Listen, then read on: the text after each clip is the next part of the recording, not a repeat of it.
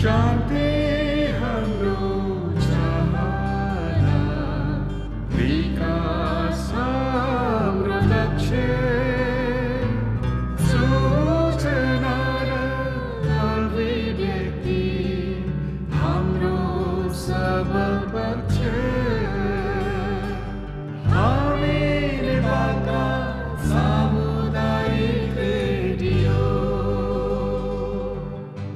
सामाजिक रूपान्तरणका लागि यो हो सामुदायिक सूचना नेटवर्क सिआइएन अहिले बेलुकीको साढे सात बजेको छ। सामुदायिक सूचना नेटवर्क सिआइएनबाट अब प्रसारण हुँदैछ साझा खबर।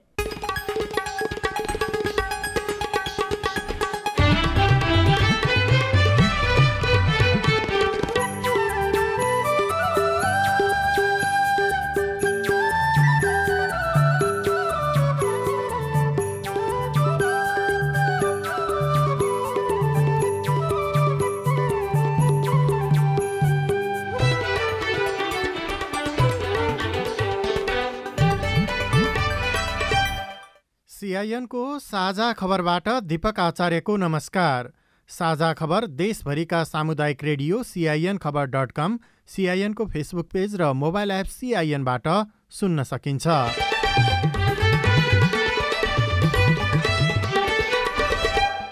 रामचन्द्र पौडेल नेपालको नयाँ राष्ट्रपतिमा निर्वाचित संविधानको दायराभित्र बसेर जिम्मेवारी वहन गर्न सुझाव संविधान र गणतन्त्रको रक्षा नै पहिलो प्राथमिकता। सङ्घर्ष गरेर यो बनेको संविधान छ। मैले त्यसको भावना र अक्षर दुइटैलाई मैले महसुस गरेको छु हृदयङ्गम गरेको छु र म त्यो अनुसार चाहिँ आचरण गर्छु। राम सहाय प्रसाद यादवलाई उपराष्ट्रपतिको उम्मेद्वार बनाउने जसपाको निर्णय अदालतको मुद्दामा राजनीतिक दबाव सरकारद्वारा सङ्क्रमणकालीन न्यायलाई व्यवस्थापन गर्न बनेको विधेयक संसदमा दर्ता।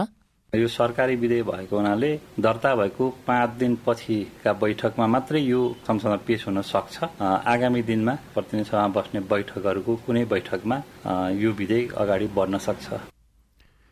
भ्रष्टाचार दोषी ठहर नेपाली काङ्ग्रेसका सांसद टेकबहादुर गुरुङलाई जरिवाना मात्र गर्ने सजाय ललितपुर महानगरपालिकामा शिक्षा महाशाखाका शिक्षा अधिकृत शेषकान्त पौडेल घुससहित पक्राउ शिक्षा प्रणाली सुधारमा धेरै काम गर्नुपर्ने पूर्व मन्त्रीको सुझाव।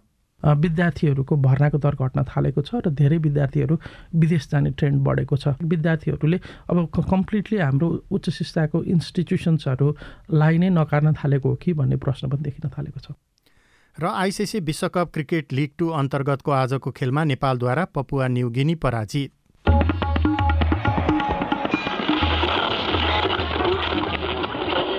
सयौं रेडियो। हजारौं रेडियो कर्मी र करोडौं नेपालीको माझमा यो हो सामुदायिक सूचना नेटवर्क सिआइएन शिक्षा र स्वास्थ्य क्षेत्रको व्यापारीकरणले सर्वसाधारणका लागि गुणस्तरीय शिक्षा र गुणस्तरीय स्वास्थ्य सेवा टाढाको विषय हुँदै गएको छ। गरिब नागरिकले चर्को मूल्य तिरेर स्वास्थ्य सेवा लिनै नसक्ने र चर्को मूल्य तिरेर निजी शिक्षण संस्थामा आफ्ना बालबालिका पढाउनै नसक्ने अवस्था छ। यसले धनी र गरिब बीचको खाडल झनै बढाउँदै लगेको र यस्तो परिपाटीको अन्त्य गर्नको लागि शिक्षा प्रणाली र स्वास्थ्य प्रणालीमा सुधार गर्नु आवश्यक छ। अब खबर लीलप्रकाश चन्दबाट। रामचन्द्र पौडेल नेपालको तेस्रो राष्ट्रपतिमा निर्वाचित हुनुभएको छ। आज भएको निर्वाचनमा पौडेल तेत्तिस हजार आठ सय दुई मतभार पाएर निर्वाचित हुनुभएको हो। अर्का उम्मेद्वार एमालेका सुभाष चन्द्र नेमुवाङले पन्ध्र हजार पाँच सय अठार मतभार पाउनुभयो। पौडेलले दुई सय चौध सङ्घीय सांसद र तिन सय बाहन्न प्रदेश सांसदको मत प्राप्त गर्नुभयो भने नेमुवाङलाई छयानब्बे सङ्घीय सांसद र एक सय बैसठी प्रदेश सांसदको मत पाउनु भएको निर्वाचन आयोगले जनाएको छ। निर्वाचित भएपछि राष्ट्रपति पौडेलले संविधानको रक्षा गर्ने र नागरिकले अनुभूत गर्ने गरी काम गर्ने प्रतिबद्धता जनाउनुभयो। मैले आफूले चाहिँ यो लोकतन्त्रको लागि संघीय लोकतान्त्रिक गणतन्त्रको लागि संविधान सभा बनाउँदा अक्षर अक्षरमा सङ्घर्ष गरेर यो बनेको संविधान छ। मैले त्यसको भावना र अक्षर दुइटैलाई मैले महसुस गरेको छु हृदयङ्गम गरेको छु र म त्यो अनुसार चाहिँ आचरण गर्छु। राजतन्त्रको राष्ट्राध्यक्ष र गणतन्त्रको राष्ट्राध्यक्षमा के फरक छ भन्ने कुरा म सर्वसाधारण जनतालाई बुझ्ने गरेर व्यवहार गर्छु आचरण गर्छु पौडेललाई नेपाली काङ्ग्रेस नेकपा माओवादी केन्द्र जनता समाजवादी पार्टी नेकपा एकीकृत समाजवादी राष्ट्रिय स्वतन्त्र पार्टी जनमत पार्टी नागरिक उन्मुक्ति पार्टी र राष्ट्रिय जनमोर्चाले समर्थन गरेका थिए। राप्रपाका चौध र नेपाल मजदुर किसान पार्टीका एकजना सांसद मतदानमा सहभागी भएनन् भने नेपाली काङ्ग्रेसका चन्द्र भण्डारी र नेकपा माओवादी केन्द्रका नेता वर्षमान पुन उपचारका क्रममा मुलुक बाहिर भएकाले मतदानमा सहभागी हुनु भएन पाँचजना सांसदले हालेको मत भने बदर भएको छ। दुई हजार एक साल असोज उनातिस गते शनिबार तनहुको साविक मिर्लुङ बाहुन पोखरा र हालको व्यास नगरपालिका आठमा जन्मनुभएका पौडेलले संस्कृति साहित्यमा शास्त्री र नेपाली साहित्यमा स्नातकोत्तर गर्नुभएको छ।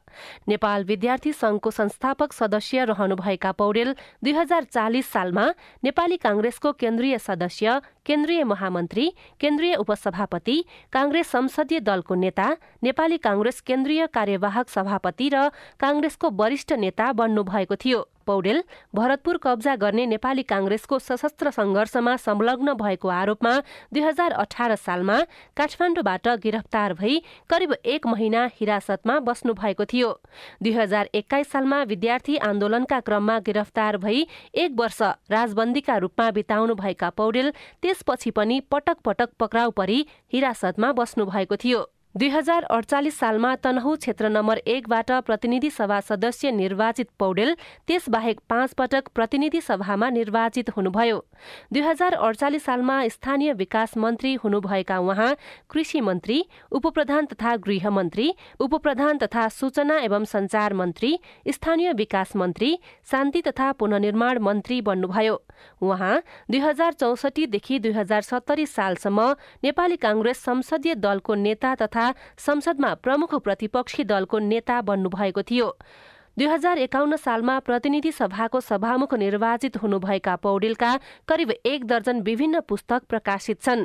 समाजवादका अध्येता र तुलनात्मक रूपमा सादा जीवनशैलीका नेताका रूपमा चिनिनुहुन्छ। राष्ट्रपतिको निर्वाचनको नतिजा अपेक्षित भएको नेकपा एमाले प्रतिक्रिया दिएको छ। सिआइएनसँग कुराकानी गर्दै नेता विशाल भट्टराईले राष्ट्रपतिको निर्वाचनपछि काङ्ग्रेससँगको सहकार्यको ढोका पनि खुला भएको टिप्पणी गर्नुभयो। वर्तमान संविधानले राष्ट्रपतिलाई राष्ट्राध्यक्ष राष्ट्रिय एकताको प्रवर्धक र संविधानको संरक्षक एवं पालक गरी तीन रूपमा प्रस्तुत गरेको छ। राष्ट्रपतिका काम संविधान निर्देशित हुन्छन् तर यसअघि निर्वाचित दुवै राष्ट्रपति विभिन्न विषयमा विवादित पनि बन्नुभयो। नवनिर्वाचित राष्ट्रपति पौडेलसँग नागरिकका अपेक्षा के छन् त? कपिल देव सिंहक तेह्रथम म्याङलुङ हो। कुनै एउटा दल विशेषको पक्षमा लाग्नु हुँदैन। सारा जनतालाई सम्झेर राष्ट्रलाई सम्झेर एउटा अभिभावकत्वको भूमिका निर्वाह गर्नुपर्छ। राष्ट्रपतिको सवारीमा पनि जनता प्रताडित हुनु परेको एउटा चाहिँ अवस्था देखियो। त्यस्तो हुनु भएन।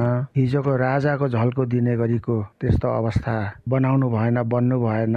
म लालबाबु शाह लालबन्दी पाँचबाट। जनतालाई अब बाटोघाटोमा हिँड्दाखेरि जामसाम नपरोस् होइन? सहज रूपमा अब जावत होस्। जनतालाई त्यही चाहिएको त हो नि। मेरो नाम गीता रेग्मी म पाल्पाबाट। दलीय प्रतिनिधित्व भएर त्यहाँ गए पनि अबको निर्वाचित हुँदा ऊ राष्ट्रपति सबै जनताको जनताको राष्ट्रपतिले जनताको काम गर्नुपर्छ दलीय नेतृत्वको होइन। दलीय नेतृत्व त एउटा परम्परागत ऊ आफू आफ्नो ठाउँमा पुगे तापनि जनमुखी काम गर्यो भने एउटा प्रभावकारी हुन्छ राष्ट्रपति। मेरो नाम विनोद बन्जारा म बनेपाबाट। हामी यात्रा गरिरहँदाखेरि राष्ट्रपतिको सवारी छ भनेर घन्टौँ जाममा चाहिँ बस्नु नपरोस् हामी। र अर्को कुरा भनेको सामान्य नागरिकले पनि राष्ट्रपतिसम्मको पहुँच पुर्याउन सक्ने होस् र अर्को भनेको राष्ट्रपति भनेको संविधान र राष्ट्रको चाहिँ हितमा काम गर्ने हुनु नवनिर्वाचित राष्ट्रपति पौडेल सक्रिय राजनीतिबाट आएका कारण पनि उहाँ पनि दलीय राजनीतिको प्रभावबाट मुक्त हुन सक्नु नै प्रमुख चुनौती देखिन्छ। साथी लक्ष्मण कार्कीले राष्ट्रपतिका प्रेस सल्लाहकारको रूपमा काम गरिसक्नुभएका वरिष्ठ पत्रकार राजेन्द्र दहाललाई नवनिर्वाचित राष्ट्रपतिका मुख्य चुनौती के हुन् भनेर सोध्नु भएको छ।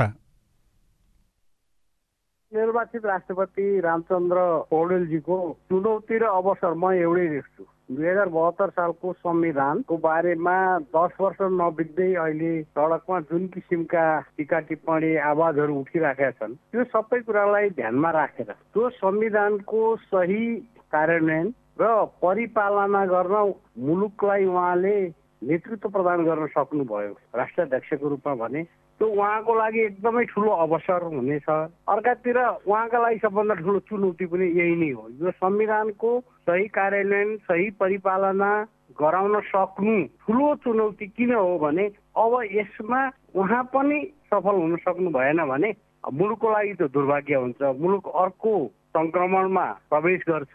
त्यति बेर उहाँहरू राष्ट्रपति हुनु नहुनु त्यत्रो संविधान सभाको झन्डै सात दशक लामो सपना साकार पारेर बनाएको संविधान बिचमै असफल हुनु त्योभन्दा ठुलो विडम्बना केही हुँदैन। उहाँहरू राजनीतिक नेतृत्व नेताको रूपमा उहाँहरू को इतिहास लेखिन सक्दैन। हाम्रोमा यस अघिका राष्ट्रपतिहरूको अभ्यास हेर्दाखेरि आफू निकट रहेका दलहरूका सरकारसँग अलिकति नरम भएको र अर्को दलको सरकार बन्दाखेरि अलिक कठोर भएको जस्तो देखियो। अब अहिले नवनिर्वाचित राष्ट्रपति पनि भर्खरैसम्म सांसदै हुनुहुन्थ्यो पार्टीको चाहिँ वरिष्ठ नेताको रूपमा हुनुहुन्थ्यो। उहाँ त्यो तपाईँले भन्नुभएको जस्तो अवस्थाबाट बाहिर निस्किन र एउटा स्वतन्त्र रूपमा संवैधानिक राष्ट्रपतिको भूमिका निर्वाह गर्न सक्षम हुन सक्नुहुन्छ होला भनेर विश्वास चाहिँ कति गर्न सकिन्छ? तपाईँको अघिल्लो प्रश्नमा मैले राष्ट्रपति रामचन्द्र पौडेलको चुनौतीको कुरा गरेको यो प्रश्न चाहिँ व्यक्ति रामचन्द्र पौडेलको निम्ति ठुलो चुनौती हो ठुलो परीक्षाको घडी हो। उहाँ यो परीक्षामा उत्रिन सक्नु भएन भने उहाँले अरू जतिसुकै राम्रो योगदान मुलुकलाई समाजलाई किन नदिउन् उहाँ विवादमै परिराख्नुहुन्छ र यसैबीच जनता समाजवादी पार्टी जसपाले सांसद राम सहाय प्रसाद यादवलाई उपराष्ट्रपतिको उम्मेद्वार बनाउने निर्णय गरेको छ। जसपाको कार्यकारिणी समितिको आज बसेको बैठकले यादवलाई उपराष्ट्रपतिको उम्मेद्वार बनाउने निर्णय गरेको प्रचार विभाग प्रमुख पूर्ण बस्नेतले जानकारी दिनुभयो। पूर्व मन्त्री यादव प्रतिनिधि सभामा जसपा संसदीय दलको नेता समेत हुनुहुन्छ। यसैबीच प्रधानमन्त्री पुष्पकमल दाहाल प्रचण्डले उपराष्ट्रपतिको निर्वाचन लगतै सरकार विस्तार हुने बताउनु भएको छ। राष्ट्रपतिको निर्वाचनपछि संसद भवन नयाँ बानेश्वरमा आज पत्रकारसँग कुराकानी गर्दै उहाँले आफूहरूको ध्यान सरकारलाई पूर्णता दिनेमा हुने बताउनुभयो। अब खेल खबर नेपालले आइसिसी विश्वकप क्रिकेट लिग टू अन्तर्गत अन्तिम त्रिकोणात्मक श्रृङ्खलाको पहिलो खेलमा पपुवा न्युगिनी पिएनजीलाई बाहन्न रनले हराएको छ। आज किर्तिपुरमा नेपालले दिएको दुई सय अन्ठानब्बे रनको लक्ष्य पछ्याएको पिएनजीलाई सत्तालिस ओभर एक बलमा दुई सय पैँतालिस रनमा अल आउट गर्दै नेपालले फराकिलो जित हात पारेको हो। पिएनजीलाई अलआउट गर्न। नेपालका सन्दीप लामिछानेले चार दिपेन्द्र सिंह ऐरीले दुई र कुशल मल्लले एक विकेट लिनुभयो। पिएनजीका नोर्मन भानुले सर्वाधिक साठी र टोनी उराले पचास रन बनाउनुभयो। जितपछि तेत्तिस खेलबाट चौतिस अङ्क जोडेको नेपाल तालिकाको पाँचौँ स्थानमा छ।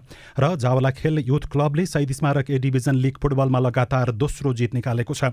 इन्फा कम्प्लेक्स सातो बाटोमा आज भएको खेलमा न्युरो टिम एनआरटीलाई दुई एकले हराउँदै जावला खेलले लगातार दोस्रो जित निकालेको हो। साबिक विजेता मचिन्द्र फुटबल क्लबले लगातार दोस्रो हार बेहोरेको छ। आजै च्यासल मैदानमा त्रिभुवन आर्मी क्लबसँग दुई शून्यले पराजित हुँदै मचिन्द्रले लगातार दोस्रो हार बेहोरेको हो। लील प्रकाश चन्द।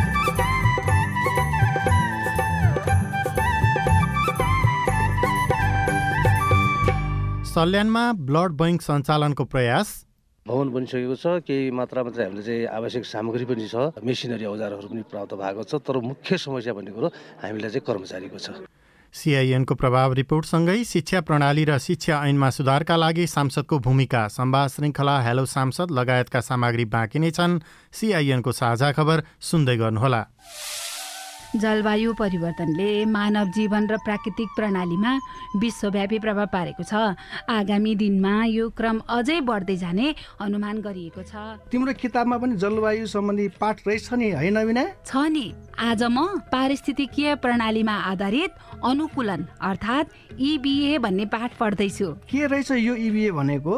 जोखिममा परेका समुदायलाई प्राकृतिक स्रोत र साधनको उपयोग गरी जलवायु परिवर्तनको जोखिम न्यूनीकरण र सामना गरी जिउने र विकसित हुन सहयोग पुर्याउने कामलाई इबिए भनिन्छ।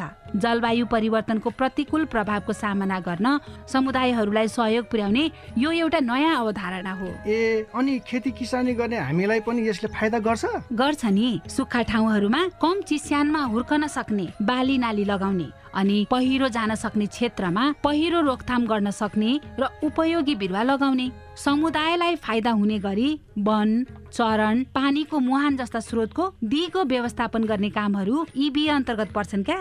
उसो भए त यो गजबको कुरा रहेछ त। हो त नि धेरै गजबको कुरा हो। इबिएको योजना तयारी र कार्यान्वयन गर्दा स्थानीय जनताको सहभागिता आदिवासी जनजाति संरक्षण कर्मी प्राकृतिक स्रोत व्यवस्थापन अभियन्ता र निजी क्षेत्रका सरोकारवालाहरू बीच पनि समन्वय चाहिन्छ। जलवायु परिवर्तनले निम्ताएका चुनौतीको सामना गर्न जमिन जल र प्राकृतिक स्रोत व्यवस्थापनका सर्वोत्तम उपलब्धिहरूको कार्यान्वयन गरौँ। पारिस्थितिकीय प्रणालीमा आधारित अनुकूलन आयोजना जलवायु परिवर्तन तथा व्यवस्थापन महाशाखा वन तथा वातावरण मन्त्रालय र सिआइएन ल कान्छा यतिका दिन जे भयो भयो। अब दाई दिदीबहिनीहरूसँग रिस नराखेस् है। कान्छा दाइले मात्र होइन क्या आमा? मेलमिलाप भइसकेपछि अब कसैले मन अमिलो बनाउनु भएन। तपाईँहरूले नै रोजेका मेलमिलापकर्ता राखेर जग्गाको साँच सिमाना बारेको नौ वर्षदेखिको विवादमा मेलमिलाप भयो। योभन्दा खुसीको कुरा हामी मेलमिलापकर्ताको लागि के हुन्छ र? मेलमिलापकर्ता बाबु हामी दुई भाइ बिचको झगडालाई यति सजिलै चाँडै मिलाइदिनु भएकोमा तपाईँलाई मुरी मुरी धन्यवाद छ। मैले यो मेलमिलाप केन्द्र भन्ने त अलि पहिले नै सुनेको थिएँ क्या बाबु। मन माझामाझ गरेर दुवै पक्षले जित्ने गरी पो कुरा मिलाउनु हुने रहेछ। कस्तो राम्रो। मनमुटाप गर्नेहरूलाई अबदेखि यो मेलमिलाप केन्द्रमै जाऊ भन्छु म चाहिँ। सुन्नुहोस् न आमा। सरकारी सामुदायिक र सार्वजनिक बाहेक जग्गा सम्बन्धी विवाद गाली बेइज्जती लुटपिट सहित विभिन्न एघार प्रकारका विवाद हरेक वडामा रहेका मेलमिलाप केन्द्रबाट मिलापत्र गराउन सकिन्छ नि आमा। कस्तो राम्रो। अनि हरेक वडामा यस्ता मेलमिलाप केन्द्र छन् त बाबु? छन् नि आमा किन नहुनु? कुनै कुनै वडामा दुई वा त्यसभन्दा धेरै पनि छन्। विवादका पक्ष र विपक्षका व्यक्तिले चाहेको मेलमिलाप केन्द्रबाट निकास खोज्न सकिन्छ। वडाको मेलमिलाप केन्द्रबाट विवाद समाधान भएन भने नि आमा। हजुर। पालिकाको न्यायिक समितिले पनि विवाद समाधानका लागि छलफल गराउन सक्छ। आहा। यति भएपछि त गाउँघरको झगडा गाउँमै हाँसु खुसीका साथ मिल्ने भइहाल्यो नि होइन त? हो नि आमा।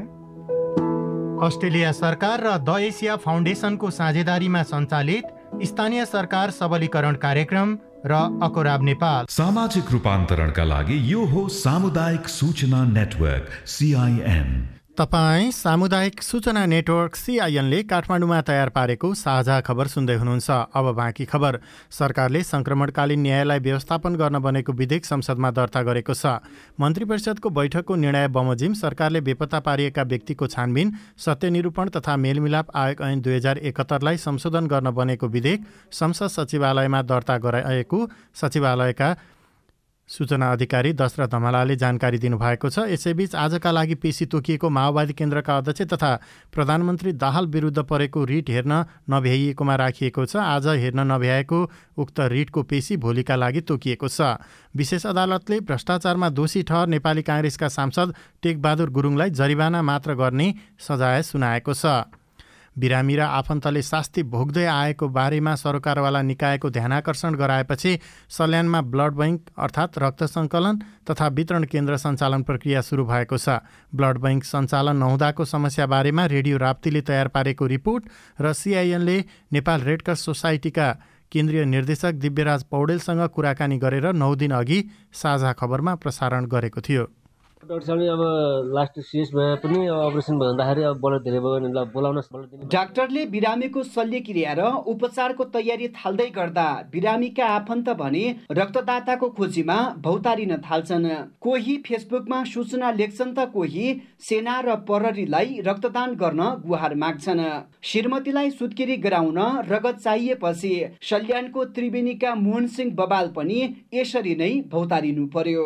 बच्चाको अगाडि साल आएर अनि त्यही भएर अपरेसन गर्नु पर्यो। पहिला अपरेसनको कारणले त्यही भएर खुन चाहिन्छ कि भनेर त्यो हिसाबले त स्ट्यान्ड बाई राख्नु होला। डक्टरले साहब जुन बेला पनि चाहिन सक्छ भन्नुभयो एउटा जिल्ला अस्पताल दुईवटा प्राथमिक स्वास्थ्य केन्द्र पैँतालिसवटा स्वास्थ्य चौकी र एक दर्जन बढी निजी अस्पताल रहेको सल्यानमा एउटा पनि ब्लड ब्याङ्क छैन। रक्तदाताको अभाव नभए पनि रगत जम्मा गर्ने ब्याङ्क नहुँदा चाहिएको बेला रगत पाउन धौधौ हुन्छ। पन्ध्रौँ पटक रक्तदान गर्नुभएका हिमाल यात्री। ब्लड बैङ्क आवश्यकता चाहिँ हो जिल्लामा।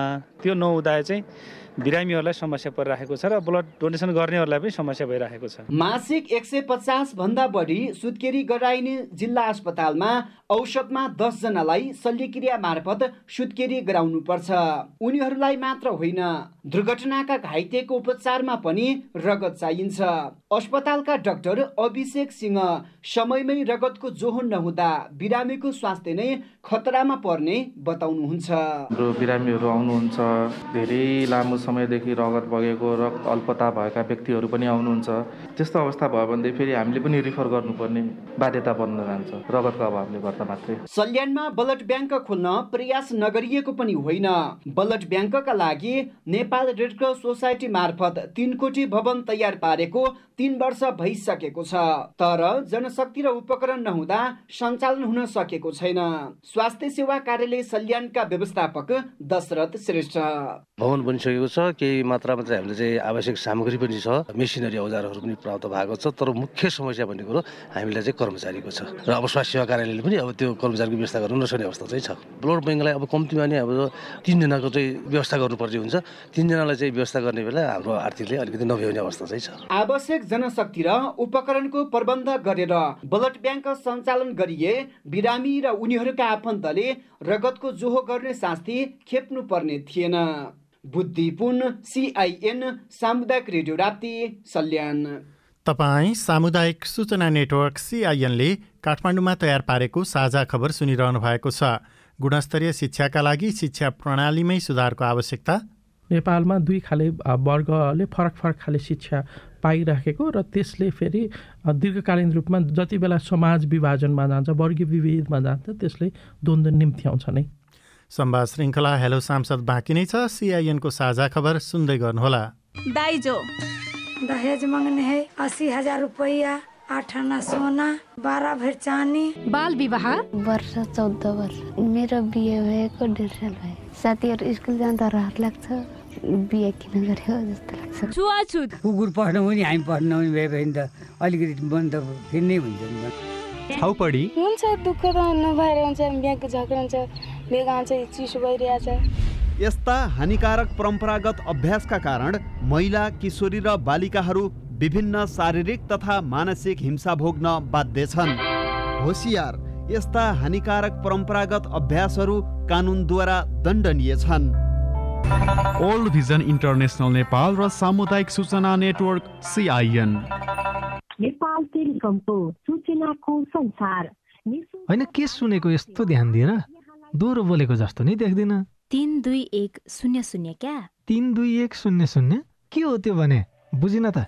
ल सुन एनटिसी प्रयोगकर्ताहरूले आफ्नो मोबाइल तथा ल्यान्डलाइनमा तिन दुई एक शून्य शून्य डायल गरी समाचार रेडियो कार्यक्रम खेल र अन्य विषयबारे सन्देशहरू जुनसुकै बेला निशुल्क सुन्न सक्छन्। ओहो निशुल्क?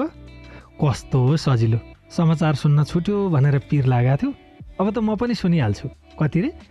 तिन दुई एक शून्य शून्य। सामाजिक रूपान्तरणका लागि यो हो सामुदायिक सूचना नेटवर्क सिआइएन तपाईँ सामुदायिक सूचना नेटवर्क सिआइएनले काठमाडौँमा तयार पारेको साझा खबर सुन्दै हुनुहुन्छ। अब प्रस्तुत छ संवाद श्रृङ्खला हेलो सांसद। नमस्कार। हेलो सांसदमा तपाईँलाई हार्दिक स्वागत छ। म राजन रुचाल। आजको हेलो सांसदमा हामीसँग हुनुहुन्छ काठमाडौँ छबाट निर्वाचित सांसद शिशिर खनाल। उहाँ चाहिँ पूर्व मन्त्री पनि हुनुहुन्छ। शिक्षा मन्त्रीको रूपमा उहाँले बिस दिन आफ्नो कार्यभार सम्हाल्न पाउनुभयो। राष्ट्रिय स्वतन्त्र पार्टीबाट निर्वाचित सांसद हुनुहुन्छ। यहाँलाई स्वागत छ सिआइएनमा धन्यवाद नमस्ते। तपाईँको चिनारीको क्रममा मैले अलिकति प्रसङ्ग जोडेँ कि तपाईँ बिस दिनको शिक्षा मन्त्री। यो बिस दिनको शिक्षा मन्त्री हुँदाखेरि चाहिँ कस्तो खालको अनुभव गर्नुभयो तपाईँले? धेरै जसो समय यो बिस दिनमा एकदमै बढी चाहिँ जनसम्पर्क शिक्षा मन्त्रालय आफै पनि जनसम्पर्क बढी भएको मन्त्रालय भएको भएर धेरै व्यक्तिहरू बधाई अथवा शुभकामना का साथसाथै शिक्षासँग सम्बन्धित इस्युजहरूको बारे ज्ञापन पत्र अथवा कुनै मागसँग सम्बन्धित कुराहरूमा नै बढी समय बित्यो। तपाईँले बिस दिनमा नेपालको शिक्षा प्रणालीमा देखेको सबैभन्दा जटिल समस्या त्यो चाहिँ के देख्नुभयो आजको दिनमा सबभन्दा सुल्झाउनै पर्ने चाहिँ नेपाल सङ्घीयतामा गइसकेपछि सङ्घीय शिक्षा ऐन आएको छैन।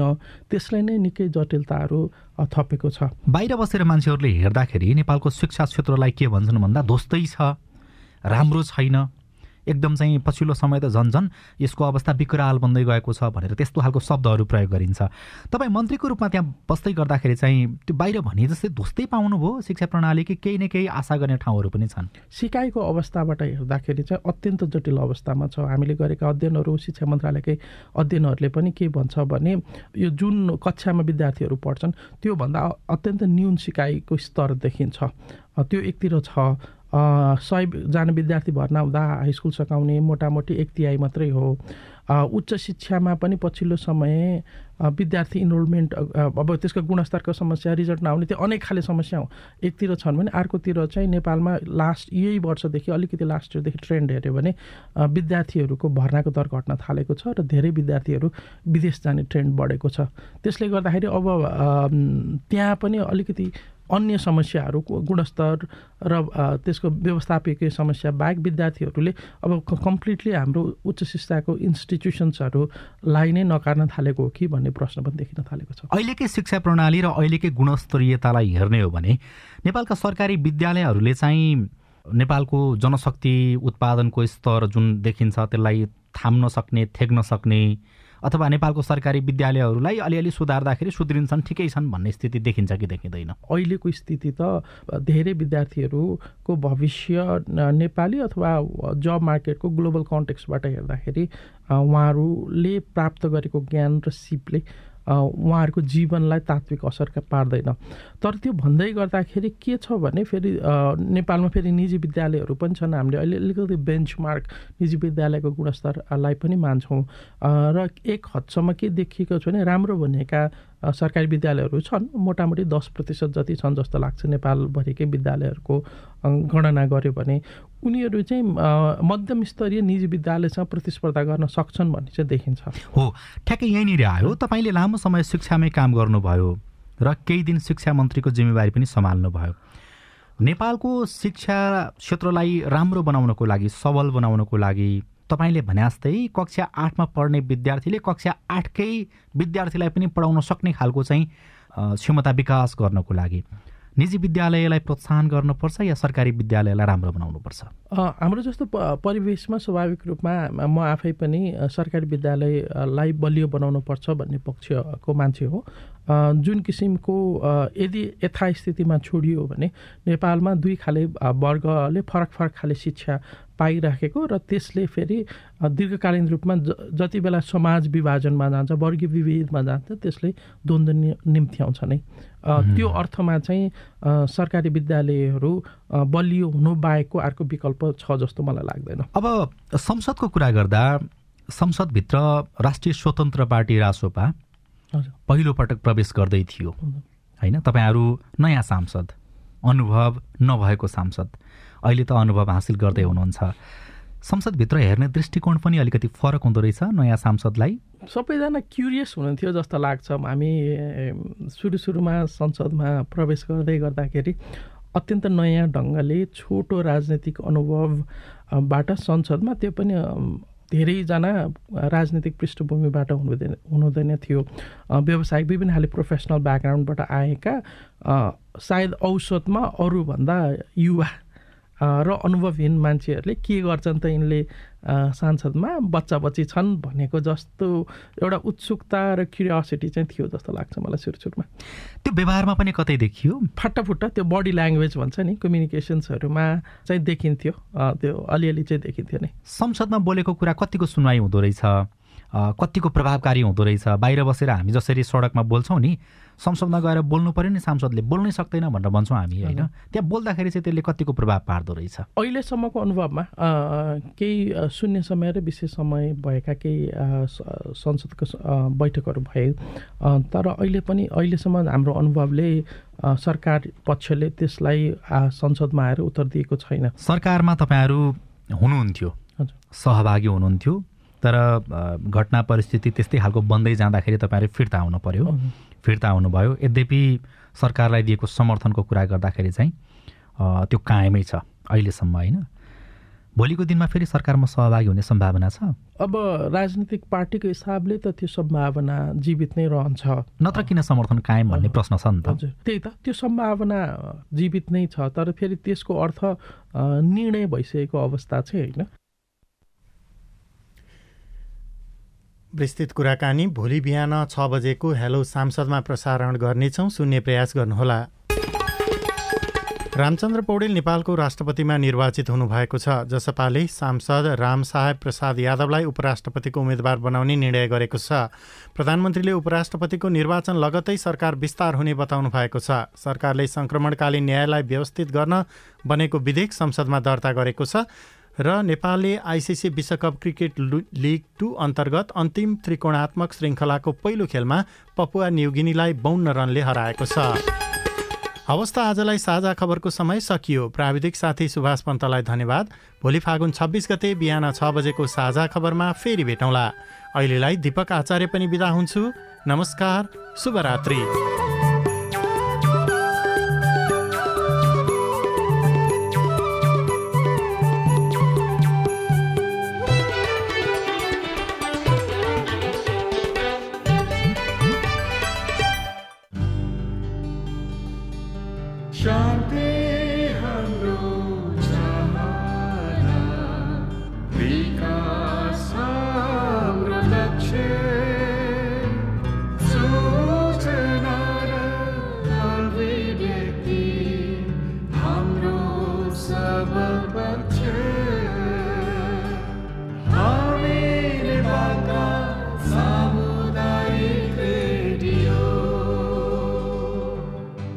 सामाजिक रूपान्तरणका लागि यो हो सामुदायिक सूचना नेटवर्क सिआइएन